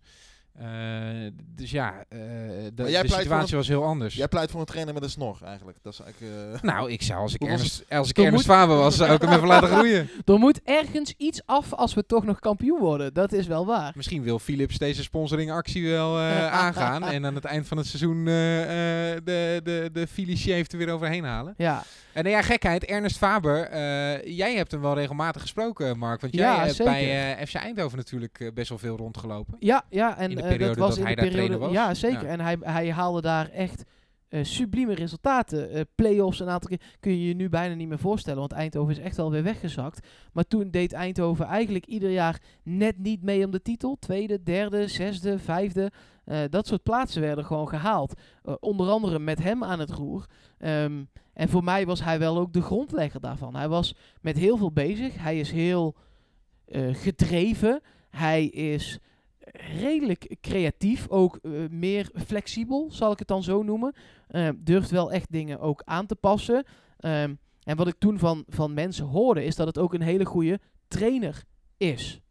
Dus de oefeningen die hij doet, maakt spelers beter, maar Een maakt echte vooral... oefenmeester. Ja, nou, dat is eigenlijk precies het goede woord. Ernest Faber is echt een oefenmeester. Ik denk ook dat ook hij de people manager skills niet helemaal onder de knie heeft. En dat eh, als het slecht gaat, dat hij het dan ook wel echt lastig heeft. En dat heb je dan bij NEC en bij Groningen ook wel kunnen zien natuurlijk. Dat was niet allemaal koek en ei. Hele mooie en goede fases afgewisseld met hele slechte fases. En dit was natuurlijk, eh, hij heeft eh, eh, een paar wedstrijden bij PSV gedaan, maar dit was altijd wel zijn droom. Hoofdtrainer PSV. Ja, was het in 2014 heel even. hè? Ja, maar ja. Toen Dat Philip Cocu heel even... Oh ja, jij gaat nu al zeggen dat het niet telt. Nee. Eh, hij heeft toen eh, eh, vijf wedstrijden aan het roer gestaan. Cocu was toen ziek. Uit die vijf wedstrijden heeft hij zes punten gehaald. Ja. Dat is een stuk minder dan Van Bommel dit seizoen qua gemiddelde. Zeker. Ik wil nog één ding aan zijn karaktereigenschappen, statistieken toevoegen. en dat is dat het een ontzettend aardige man is. Echt een warme man. Die altijd tijd voor je, toen in ieder geval, en dat zal nu niet veranderd zijn, had altijd tijd voor je. Altijd extra uitleg als je het vroeg. Ehm, zowel voor pers als voor spelers. Dus eh, naar buiten toe zal het veel warmer worden. Er, z- er zullen geen 61 onderrondjes met de vierde official komen. Eh, hij is wel fel, maar veel warmer. Dat, dat is in ieder geval goed. Ja, En hoe het En- qua resultaten gaat, dat, dat moeten we zien. Want Ja. eh, hij heeft daarna ook wel wat clubs gehad. ja. en omdat dit zijn droom is, zou het mij niet verbazen als Ernest Faber in seizoen 2021 nog altijd de hoofdcoach van PSV gaat zijn. Zo'n beetje, eh, wie heeft dat gedaan? Solskjaer? Zo'n verhaal. Ja, In één keer dat het, dat het allemaal best wel prima lijkt te draaien. En, en dat je dan zegt van nou, we gaan met elkaar verder. hij, ik, ik denk echt dat hij, hij heeft de kwaliteiten en hij weet ook zichzelf wel te omringen met mensen die de kwaliteiten die hij niet heeft, eh, om, om dat dan aan te Ook dat is een vullen. kwaliteit overigens. Precies. Nou, het is ook een risico hè, wat PSV neemt. Een bijkomend risico van, van Faber nu al vastleggen tot het einde van het seizoen. Het risico dat Faber, maar even gekscherend gezegd, alles gaat winnen vanaf nu. En dan... eh, Waarom zou je hem er dan en uitgooien? dan, en dan komende zomer, ja, maar komende zomer moeten afzwaaien omdat PSV een andere trainer heeft benaderd en daar een akkoord maar mee waarom heeft. zouden ze dat doen als je alles wint? Nou ja, ik denk als je een trainer gaat benaderen, dan ga je dat op zijn minst in het begin van komend jaar doen. En dan ga je niet mee wachten tot augustus, toch? Ja, dat wordt wel interessant. Er wordt nu Eh, natuurlijk een schets gemaakt. Ze gaan daar nu over. Ze hebben nu. Ze gunnen zichzelf de tijd om daarover na te denken. Er wordt natuurlijk na de winter wordt daarover eh, gebrainstormd en over nagedacht. En dan ga je toch wel, denk ik, eh, in februari, maart, april langzaam mensen benaderen waarvan je denkt. Die, Nou ja, als je dat in april doet, is het seizoen al zo goed als klaar. nou ja, oké, dus nog eerder. Ja, dan heb je natuurlijk. Je gaat niet je nieuwe coach na het seizoen benaderen, toch? Dat is best wel, dat is best wel lastig, denk ik. Ja, klopt. Ben ik met je eens. Eh, Zullen we eens wat namen behandelen? Nou, dat wilde ik net voorstellen. Want er is echt een stortvloed aan, eh, aan reacties binnengekomen op de vraag en hoe nu verder. Eh, en niet dan de naam Faber, maar vooral de namen die dan daarna eventueel zouden komen. Echt, dank jullie wel voor alle reacties. Zeer Ja, waardevol. superleuk. Ook- En ook allerlei namen die ik totaal nog niet had bedacht. Daarom, en dat, dat is natuurlijk het leukste. Eh, om te beginnen bij Luizinho, die dan niet een naam noemt, maar die zegt eh, dit seizoen afschrijven en lang en dus goed nadenken over wie volgend seizoen. En niet weer direct een jonge ex-speler, eh, waarmee Van Nistelrooy toch wel een beetje wordt bedoeld, denk ik. Die natuurlijk nog steeds in de coulissen klaar staat. Eh, Maar die heeft veel meer tijd nodig dan dit. ja, natuurlijk. Absoluut. Dat hebben we nu toch ook tijd. met Van Bommel gezien. Van Bommel heeft uiteindelijk ook gewoon te kort in de jeugdopleiding gezeten. Denk Vond ik. hij zelf ook, hè? Ik bedoel, hij wilde eigenlijk nog een jaar eh, Ja. de jeugd doen. Dat moet je hem ook wel echt meegeven. Hè? Dat hij natuurlijk uiteindelijk redelijk ja, rap en plots is klaar. Laat ik het zo zeggen. Als Cocu, en dat hadden we misschien met z'n allen ehm, wel verwacht, als Cocu een jaar eerder was gestopt, dan was Van Bommel het zeker niet geworden. En was het waarschijnlijk een meer gelouterdere trainer geworden. Maar omdat Cocu er nog een jaar aan, aan aan vastgeplakt heeft en Van Bommel dus net weer een jaartje meer ervaring heeft gehad, is denk ik de gok gewaagd om het dan toch maar te doen. Terwijl Van Bommel was het natuurlijk een jaar eerder nooit geworden. Als Cocu daar, daarvoor was gestopt, dan wel- toch? Dat denk ik wel, Ik denk toch? ik ook. En Van Nistelrooy heeft natuurlijk veel te weinig ervaring om dat nu te gaan doen. Plus, ja, ik ple- pleit toch wel echt voor iets meer routine om het nu een paar jaar bij PSV te gaan doen. En dan heb je denk ik in Van Nistelrooy misschien wel de ultieme schoonzoon, toch? Ja. Ja. Werden er namen genoemd met routine? Ehm, nou ja, de, de naam die het vaakst voorkwam, en die heeft wel routine in het trainersvak, en dat is wel een opvallende naam, Roger Schmid. Ja, ik eh, kende hem omdat hij bij Leverkusen heeft getraind. En ik volg de Duitse competitie wel goed. Maar ik, ik had verder niet echt hem in mijn hoofd als nieuwe trainer van PSV. Salzburg eh, heeft hij bijvoorbeeld nog eh, getraind, staat wel bekend als een innovatieve trainer. Dat Kampioen zegt, mee geworden ook, hè? Marcel Voet zegt dat bijvoorbeeld ook op Twitter, bij een innovatieve club als PSV hoort een innovatieve coach. Het is lang geleden dat wij geen Nederlander aan het roer hebben gehad. Ja, Ehm. Gerrits vooruit, maar die neem ik dan even als halve Nederlander. Bobby Robson? Ja, maar dat is lang geleden. Ja. Of hebben we in de tussentijd, eh ben ik, iemand vergeten? Hard, hard, hard na te nou ja, denken. Gerrit zou dan inderdaad de laatste zijn geweest. maar, die, die sprak gewoon Nederlands. Eh, ja, nou ja, Dus- gewoon Nederlands. die, die sprak een soort van Nederlands. ja, precies. Je kon hem, je kon hem aardig verstaan. Als hij ging schelden, dan wist je wel dat hij, dat, wat, hij Nee, zei. Als je... Het klonk een beetje als Huub Stevens, zeg Ja, maar. precies. Ja, het is eh, Robson in eh 98, 99. Ja, Ja, dat was ook geleden, een En daarna- tussenjaar, hè? En daarna drie jaar eh Gerrit. Dat was ook een tussenjaar Ja, en, toen toen met, was, eh, met en daarvoor was het dan Robson in eh 90, 91. Ja. Ja. Maar, Eh, dus, maar meer, de, de PSV heeft niet zomaar even de traditie van het halen van een buitenlandse coach. Tussen 68 en 71 was het overigens nog Koert Linder. Precies. aha. Als Eh, Karlsruhe. Moet je altijd wat harder zeggen. Karlsruhe. Karlsruhe. goed. ehm, Dat is een bier, toch? zouden jullie daar... Nee, dat is is Carlsberg. Ja, sorry. Oh, wauw. Zouden jullie daar een probleem mee hebben als het een buitenlandse Nee, trainer is? absoluut niet. Nee hoor. Toch? Als Nee. Als we een maar winnen. innovatieve eh, gast is? Nee hoor, ik vind dat eh, op nationaal niveau, ik vind dat wij wel een Nederlandse bondscoach moeten hebben. Maar binnen een club, ja waarom niet? Eh, ja, Als dat de beste man voorhanden is en hij heeft op dit moment geen club. exact. hij komt van China, hij is gestopt daar. Hij heeft eh, op dit moment geen club. Ja. Eh, dus ja, misschien wordt hij van de winter wel toegevoegd aan de staf. Vraag me wel af of PSV dat gaat doen. Qua de traditie, PSV, eh, de Ja. uitstraling, Ja. eh, eh, volksclub, regio Brabant. Ja, aan de andere kant, ja, Steve McLaren bij Twente, kun je natuurlijk ook een hoop over zeggen. Maar pakt uiteindelijk gewoon wel, Ja. heeft leuk uitgepakt daar. Ehm, wat zijn nog meer echt recente voorbeelden in de Nederlandse competitie? Ja, bij, echt, bij, de, bij de grote Qua, Duits, eh, clubs. of qua, qua buitenlandse trainers? Je hebt natuurlijk bij Heracles de ene Duitser naar de andere. Nou, Frank Wormoed doet het wel aardig. Ja. Slutski, Vitesse. Slutski, hey. Ik denk dat Die we is rond vrij. zijn. nou, ja, dan sluiten we, we Slutski doen. sluiten we nu Waarom niet? Dat is toch deze... lachen? Een troetel weer. Gewoon al is het maar voor dit half jaar. Tot dan half even- jaar. Beetje lachen. vermaak nog erbij. We kunnen er een punt achter zetten. Dit was de. PSV-podcast. Nee, eh, die naam is niet eens Oh, binnengekomen. oké. Maar we- de- deze naam dus heel vaak. En als hij bij zoveel fans op de radar staat, dan moet hij haast bij PSV zelf ook op de radar staan. Ja, ehm, andere namen. Dennis Haar van FC Utrecht. Nee, Dick Lukien. Eh Thijs Heeselmans eh, stuurt dat. geen slechte trainer hoor. Arne van Os van Abelen, mooie naam trouwens, zegt eh, Erwin Koeman. Ook, ook ontslagen. Ik denk dat die, ik denk dat die eh, wordt toegevoegd aan de staf. Faber en Koeman die kennen elkaar. Eh, hebben allebei FC Eindhoven na elkaar eh, getraind. Eh, eh, er totaal geen haat en nijd. En Koeman is wel eh, iemand die aanvult op wat Faber kan. Ik denk dat die wordt toegevoegd Interessante aan de optie. Ja. Ehm, Maar niet heeft, als hij dan, hoofdcoach dus. heeft hij dan dat eh, eh, people management dat, dat we dan missen bij Ernst Faber? Ja, dat, eh, dat wat Ronald Koeman heeft, heeft Erwin ook wel. Ja, heeft hij toen bij Feyenoord ook stiekem echt goed Likeable, gedaan, hè? Ja, ja likable gast gewoon. Zeker. Eh, andere namen die binnenkomen, Ewald van Veen zegt Mark Wilmots misschien een optie. Misschien.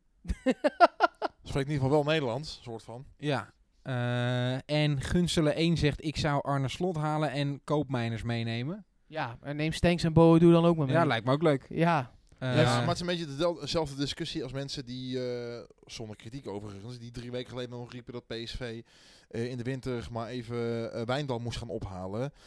We moeten ons natuurlijk niet vergissen dat AZ momenteel gewoon ver boven PSV uitsteekt. waarom zou Arne Slot en Koopmeiners nu naar PSV gaan? Exact. En daarbij denk ik dat Ten Hag vertrekt bij Ajax in, in de komende zomer.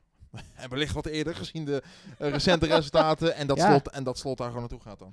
Nog even twee andere reacties. Pietje PSV-puk eh, zegt, ik dacht heel even dat dat de trainer was, maar dat was het. Dat was de nieuwe trainer, Pietje Puk. zegt ik ben kandidaat. Nee, eh, we zoeken iemand die een organisatie kan neerzetten en goed omgaat met jongere spelers. Om de prijzen doen we toch niet mee. Dus ik zeg Rutte Fred Als- Rutte. als interim. Eh, dat gaat dus niet gebeuren, want het eh, eh, eh, wordt Faber. En in de zomer haal je Slot of Bos. Ik wil aanvallend voetbal zien. Dat laatste ben ik voor, altijd. Maar zowel Slot als Bos eh, gaan niet naar PSV komen. Lijkt mij ook niet. Dat, dat, kan ik me, dat kan ik me niet voorstellen. En eh, Arjen Kleijs zegt een ervaren coach die vertrouwen kan geven. Ik zou ook zeker niet tegen Adrie Koster zijn. Mits hij een andere kapper neemt. Ik zag laatst een meme dat hij inderdaad al sinds 1823 hetzelfde kapsel heeft. Nou, qua En innovatie en eh, kunnen ze ook misschien eh, dan bij Philips ook nog iets eh, doen eh, eh, wat zijn kapsel betreft. Hij is wel een rustige man. En laten we eerlijk zijn, die heeft het wel op de rit eh, momenteel. Knap hè? Ja, Ja, staan boven ons. Dat is ook bizar hè. Dat, dat seizoen van Willem II. Hey. Ja. Ja, eh, ik kan me niet voorstellen dat het een tweede seizoen zelfs zo blijft. Maar die kunnen Nee. gewoon wel gaan meedoen om Maar die, ik om dus play-off plekken. Hè? Want dit zeiden we over AZ ook vorig seizoen. Hè, van AZ doet het goed. Eh, ik, ik denk niet dat dat het hele jaar gaat duren. Ik ben dus bang dat de AZ dit jaar gewoon het hele seizoen gaat volhouden. AZ wel. Nee, maar ik bedoel Maar Willem Willem II. ja, precies, eh, precies. Dus ik denk dat Willem II niet zozeer... Dat, uiteindelijk ga je die nu wel van je afschudden, denk ik. Maar naar boven kijken, ja, dat wordt wel... Dachten ze Nee, in natuurlijk. Engeland van Leicester ook. En die pakte gewoon wel de schaal. Ja, die staan Ja. nu weer eh, tweede, derde geloof ik, toch? Dus eh, ik, ik, ik, ik snap dat iedereen dat zegt, maar er moet wel eerst nog even gebeuren ook, zeg maar. Hebben we iets van een profielschets voor eh, de nieuwe trainer? Eentje die veel punten pakt, zou ik echt lekker vinden. Nou, dat is duidelijk. Andere, Ja.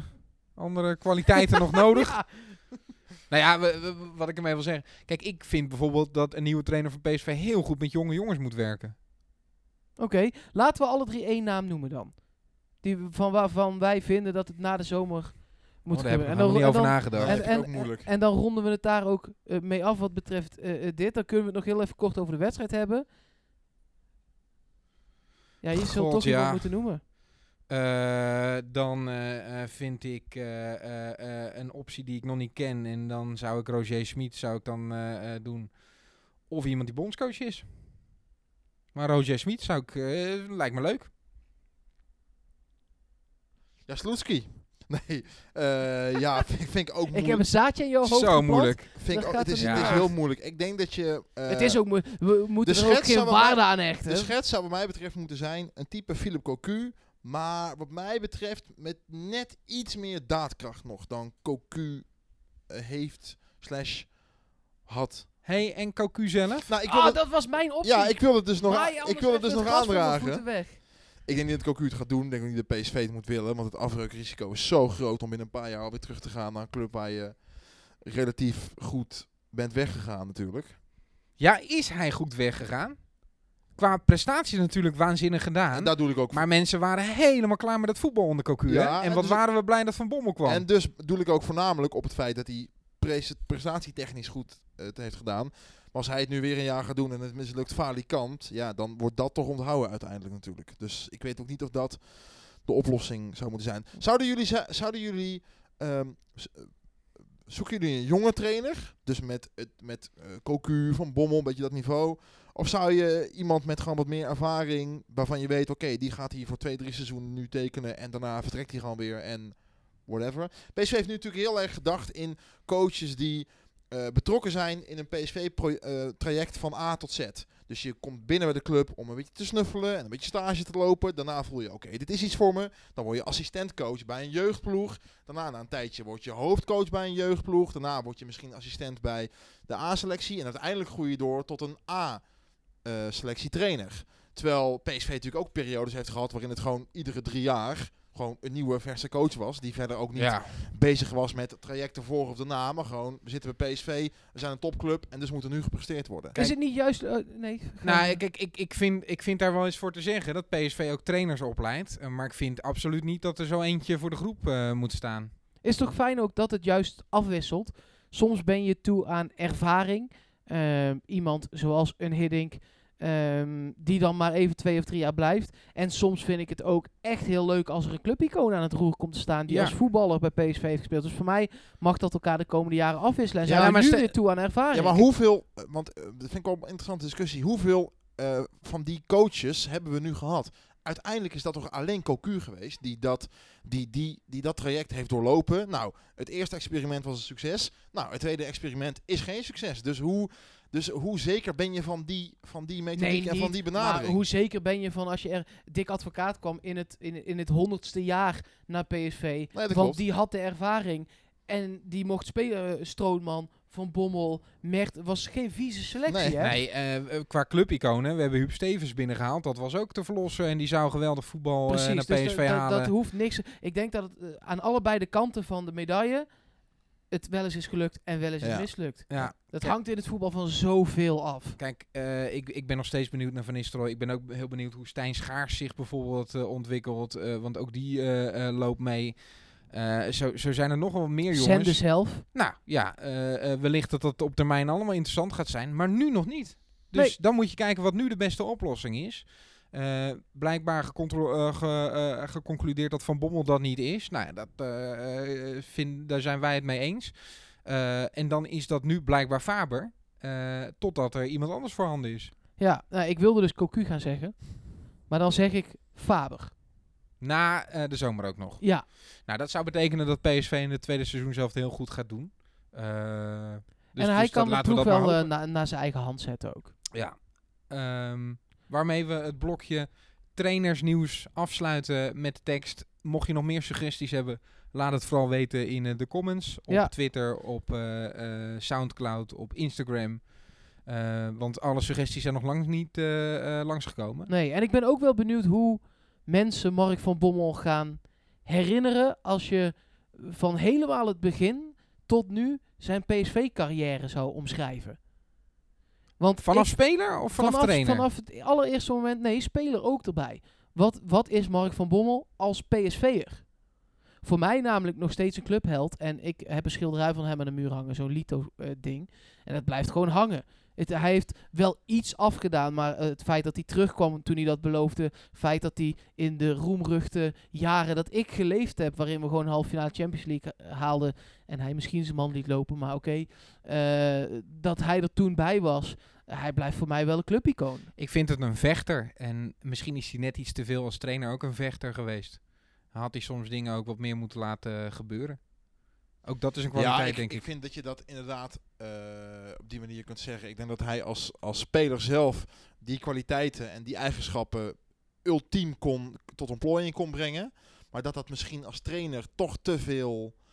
eh, dat je op te veel dingen dan invloed wil hebben. Kijk, als je als speler in het veld staat, dan heb je op één ding invloed. Namelijk je eigen prestaties, wat je met je eigen benen doet en waar jij wil lopen.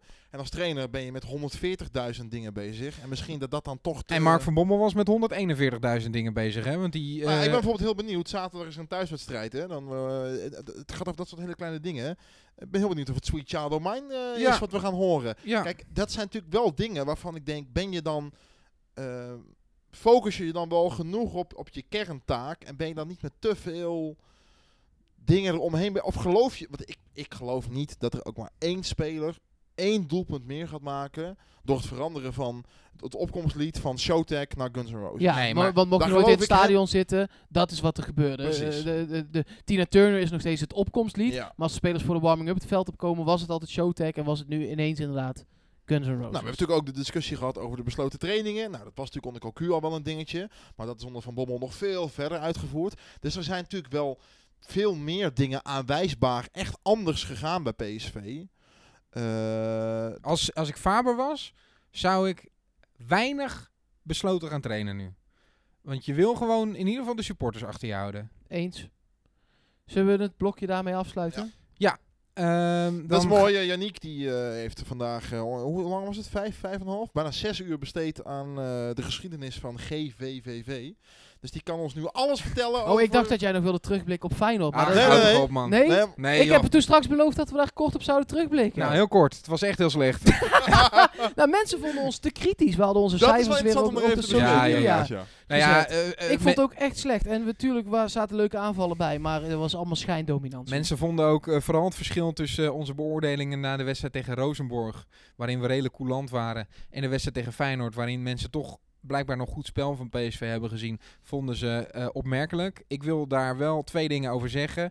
Eén, tegen Rosenborg voelde ik absoluut niet de noodzaak om heel boos te we worden op hadden geen PSV. zin om ons druk te maken. het was een wedstrijd die nergens om ging. En was PSV op kon lekker, kon lekker oefenen. Die ging zich al helemaal niet druk maken. Ja, en, en om eh Gutierrez nog een keer uit te kafferen dat hij met twee man in zijn nek denkt te kunnen opendraaien. Ja, dat Ja. heb ik inmiddels al drie keer gedaan. Dus daar ben ik ja, dat heeft mee. ook niet geholpen. En tegen Feyenoord, ja, dan kun je wel zeggen dat PSV leuk heeft gevoetbald. Maar uiteindelijk gaat het toch echt om het afmaken van de kansen en het voorkomen van de doelpunten van de tegenstander. En daarbij snap ik helemaal dat de mentaliteit tegen Rosenborg eh, anders was dan de mentaliteit die je afgelopen wedstrijd tegen Feyenoord verwachtte. Want ik snap heel goed dat je tegen Rosenborg je pootje misschien een keertje terugtrekt.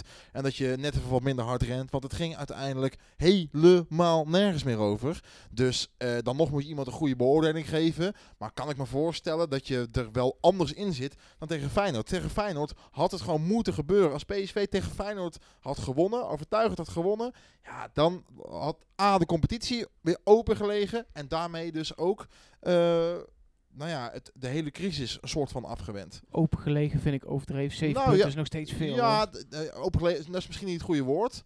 Maar dan was het minder... Nee, dat zeker. Er waren misschien wat mogelijkheden Ja. gekomen. Eén Ja, ding nog na die wedstrijd. Eh, ik neem aan dat Nijenhuis wel een straf krijgt voor die opmerking. Jongen, jongen, jongen, dat kan echt niet, hè. Dat Maar is toch gênant? Het is echt gênant. Maar voor die de mensen- VAR ook is toch ook gênant. Mensen Nee, die maar dat de- eh, nee, gemist hebben, eh, na de wedstrijd eh, eh, kreeg hij de vraag, ja, eh, die penalty eh viergeven, bal op zijn hand, wel of niet. Eh, en toen zei hij, ja, er wordt nu weer naar de scheidsrechter gekeken, maar ik heb dat in het veld ook tegen viergever gezegd. Eerst maar eens een paar goals maken, dan praten we verder. Dus als PSV niet scoort, mag hij kut fluiten. Het is echt blijkbaar. ongekend. Het is echt ongekend. Ja, ehm, Dan mag Dikkie van Egmond in Zeist wel even wat aan doen. Ja, maar Van Egmond heeft uiteindelijk bij Fox wel eh, dat ook eh, aangepakt. Hè. Die heeft gezegd dat hij vond dat dat eh, geen penalty was. En dat... eh, nou, de, de discipli- disciplinaire straf dan Ja, laat hem lekker volgende week FC Eindhoven tegen maar ik ga ervan uit dat hij bij. Veronica aan site aan de bar weer zat, toch? Neem ik aan. Dus, eh, Ja, wij nemen op tijdens Veronica nee, Aside. het is maar, echt ongekend. En dat, dat is echt een one-man show aan het worden. En het Zonde, onvoorstelbaar want eh, toen hij dat niet had, was het best een aardige scheid. dat je als scheidsrechter... Klopt, ja. Maar het i- er is wel een cultuur aan het ontstaan van scheidsrechters die in de belangstelling willen staan. Guzebuur komt er maar eentje te noemen bijvoorbeeld. Makkelijk, je hebt een kledinglijn. Ja, joh. Ja, nou, dat is toch. ik vind dat wel erg kwalijk. Heb En- je ooit een scheidsrechter, Anoop en, en politieman een kledinglijn zien hebben? Ja, nee, eens gewoon maar het, is ook voor, voor scheidsrechters, toch? Je kunt scheidsrechterskleding kopen. Gele Ja. en rode kaarten. Volgens Ja. mij deed Colina deed, eh, eh, wel eens een eh, reclamespotje, maar die had echt rechts van spreken Ja, voor natuurlijk. scheermesjes waarschijnlijk, of niet? Ja, Ja. ja. Daarover gesproken, we hebben een kledinglijn eh, met PSV Podcast. nee, Nou, dat zou nee, wel nee. leuk zijn, toch? De nee. PSV-podcast kledinglijn. Blijf bij je leest. Blijf bij je leest. En daarover gesproken, eh, de voorbeschouwing op de twee wedstrijden waar Ernest Faber dan dit jaar nog aan het roer zal eh, staan. Richting de kerst gaan we namelijk nog een thuiswedstrijd krijgen tegen PEC Zwolle. En, en dat is belangrijk, die verschrikkelijke uitwedstrijd in Veenendaal Vertel ons alles over GVVV. Vertel ons alles. Ja, ik heb eh, eh, in ieder geval twee spelers die ik ken, heb ik gevonden in de selectie. Eh, Persoonlijk? nou, nee. of ja. gewoon van vroeger? Het had gekund dat ik in Veenendaal ben opgegroeid en dat ze nu in één keer opduiken. Nee. Ehm, Damiano Schet, bijvoorbeeld. Ja. Ehm, Ex-RKC en Cambuur. Dat is de broer van Mitchell Schet, die nog bij Feyenoord heeft eh, gespeeld. En, en ik denk dat dat by far de bekendste speler is Ah. in de selectie van GVVV. Nou komt er een ghost from the past. Toen ik deze naam net las, dacht ik zo. Ja. Hey. Zeker. Maar dit is, dit is wel grappig, toch? Ja. Dat, dat, dat hij daar weer opduikt. Op zijn 39ste speelt hij namelijk voor GVVV. Hij speelde eerder voor Den Bosch, Millwall, De Graafschap, Groningen. Een paar Spaanse clubs. Ik heb het natuurlijk over Barry Powell. Barry Powell, hey. Wauw. Ja. ja. Die staat daar gewoon in de punt. Alleen al daarvoor zou ik naar dat sportpark gaan. Voor Barry Powell. Ik neem aan dat hij speelt tegen PSV, toch? Ja, ja, ja, zeker. Hij was er op Twitter al, al, al helemaal mee bezig. En eh, hij was ervan overtuigd dat, eh, dat ze het PSV lastig konden Dat is wel echt zo'n eredivisie-held, hè? Je hebt gewoon soms van die spitsen die dan altijd wel eh, Cultheld in de samenvattingen natuurlijk voorbij komen. En dan kom je automatisch, als je op zaterdag hebt gespeeld, kom je op zondag nog een keer voorbij in het overzichtje van de goals. Er zat er altijd wel iets van Barry Powell bij. Ja, Net joh. zoals Martin Drent en, en dat soort namen. Ja. Ja. Ali Boussabon, Ali Boussabon. Hoe heet die Ja, van? Willem- hoe heet die van Willem II ook alweer? Die, eh Mariano Bombarda. Bombarda. Kijk, Nou. dat soort types. ja, daar hoort eh, Barry Powell wat mij betreft ook wel bij. Dus eh, Zo ik ben heel benieuwd. Eigenlijk. Zeg maar. ja, hij is overigens op Twitter. Ik had het net al heel even over Twitter. Ik heb het er heel even bijgepakt. Ik ben hem gaan volgen. Hij is intens grappig op Twitter. Eh, Oh, echt? ja, hij heeft bijvoorbeeld een paar dagen geleden getweet. Mooie loting. Ik heb nog nooit van PSV verloren in de beker. Eh voetbalzoon, die, eh die tweette een dag later. Aan de landstitel hoeft PSV voorlopig even niet te denken. Ziet ook Mark van Bommel. En hij retweet dat met daar dan erbij. De beker ook niet. Met een lachend gezichtje. Er mag gezongen worden, wat een de speld voor voetbal eh, Ja, ding is. ja. Die zegt, Mark van Bommel hoopt op bekerstunt tegen GVVV. Dan zegt hij, hoop doet leven. het, is, het is heel grappig. Het is echt de moeite om, eh, om hem te volgen. Hoe heet hij op Twitter? Eh, volgens mij gewoon Barry Powell. Nou, ik ga die wel even volgen. ja, hoor. het Barry Powell. Nou.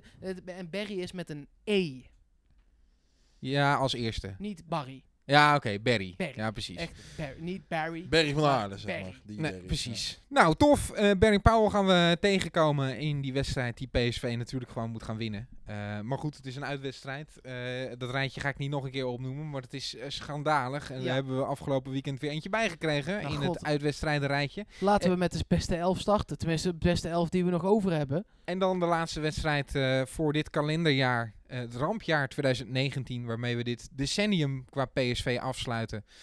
Met een pot tegen PEC Zwolle. Succes, Tommy.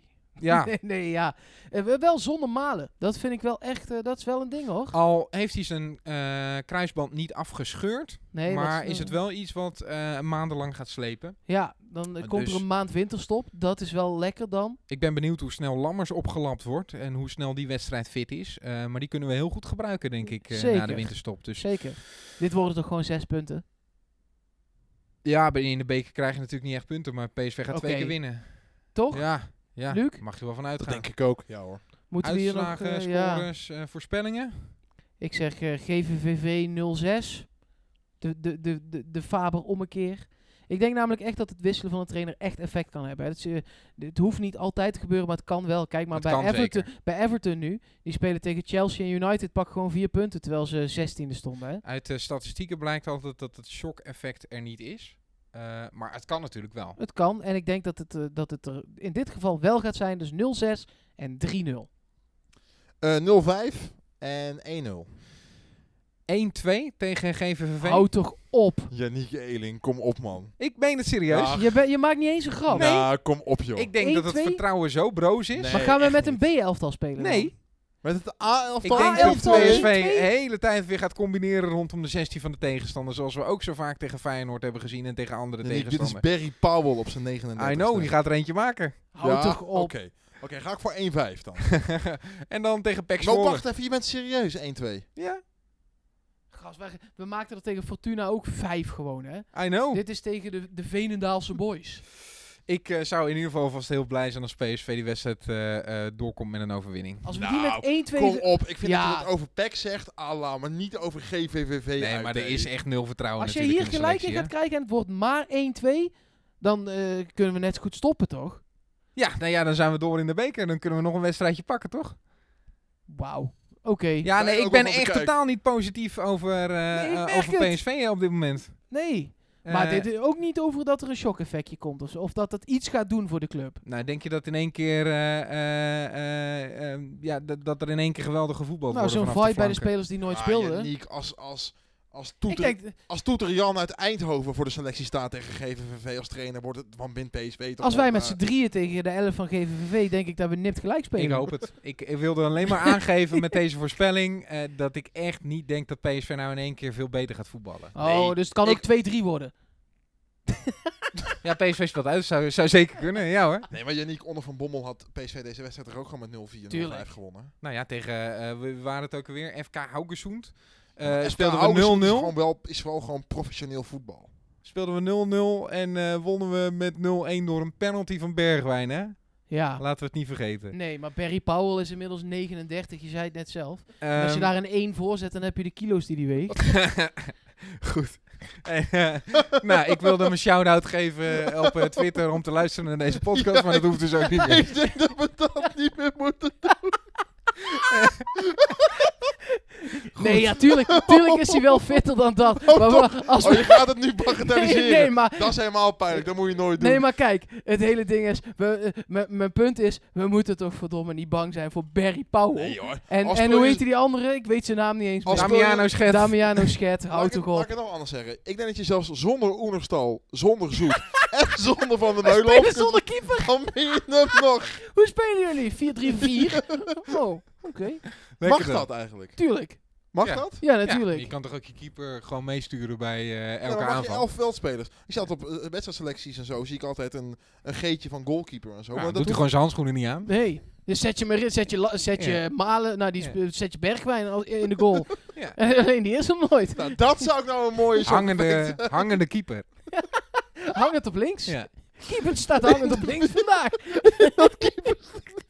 Oké, eh Pek Zwolle denk ik dat PSV dat jaar heel lekker gaat afsluiten. En dat PSV gewoon in één keer met 4-0 wint. Nou, what the fuck, man?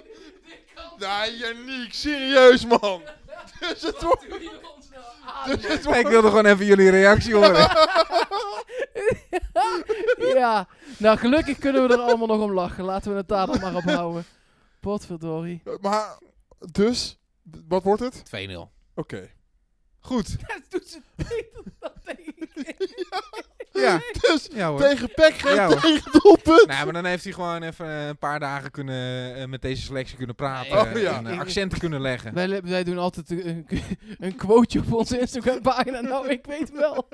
Nou goed, eh, alle comments eh, kunnen doorkomen. eh, ook voorspellingen natuurlijk. Eh, zijn jullie het eens met deze 2-1 tegen GVV gewonnen? Ja, dat denk ik wel. Ik denk dat daar massaal gelijk gestemd over zijn. Laat maar weten eh, in de comments op eh, Twitter, PSV Podcast, eh, Soundcloud ook PSV Podcast, eh, Instagram PSV Podcast. Volg ons vooral ook en eh, laat weten wat je van deze podcast vond. Hij zegt gewoon 2-1. 2 Ja. Nee, nee, top. Nou, maar hier moeten we toch iets opzetten, jongens. Als het een, wij, hebben, wij hebben een probleem als het 1-2 wordt. Ja, zeker. Zeker. Ja, Durf je- jij, durf, maar durf jij iets aan? Oké, eh, doelpuntenverschil dan. Kunnen we daar iets op zetten? Dat Als het één doelpunt verschil is, of twee, die geef ik die je dan geven ook we je nog, dan nog? Ja, wat doen we dan? of meer. Doen we een Mackie in de winterstop.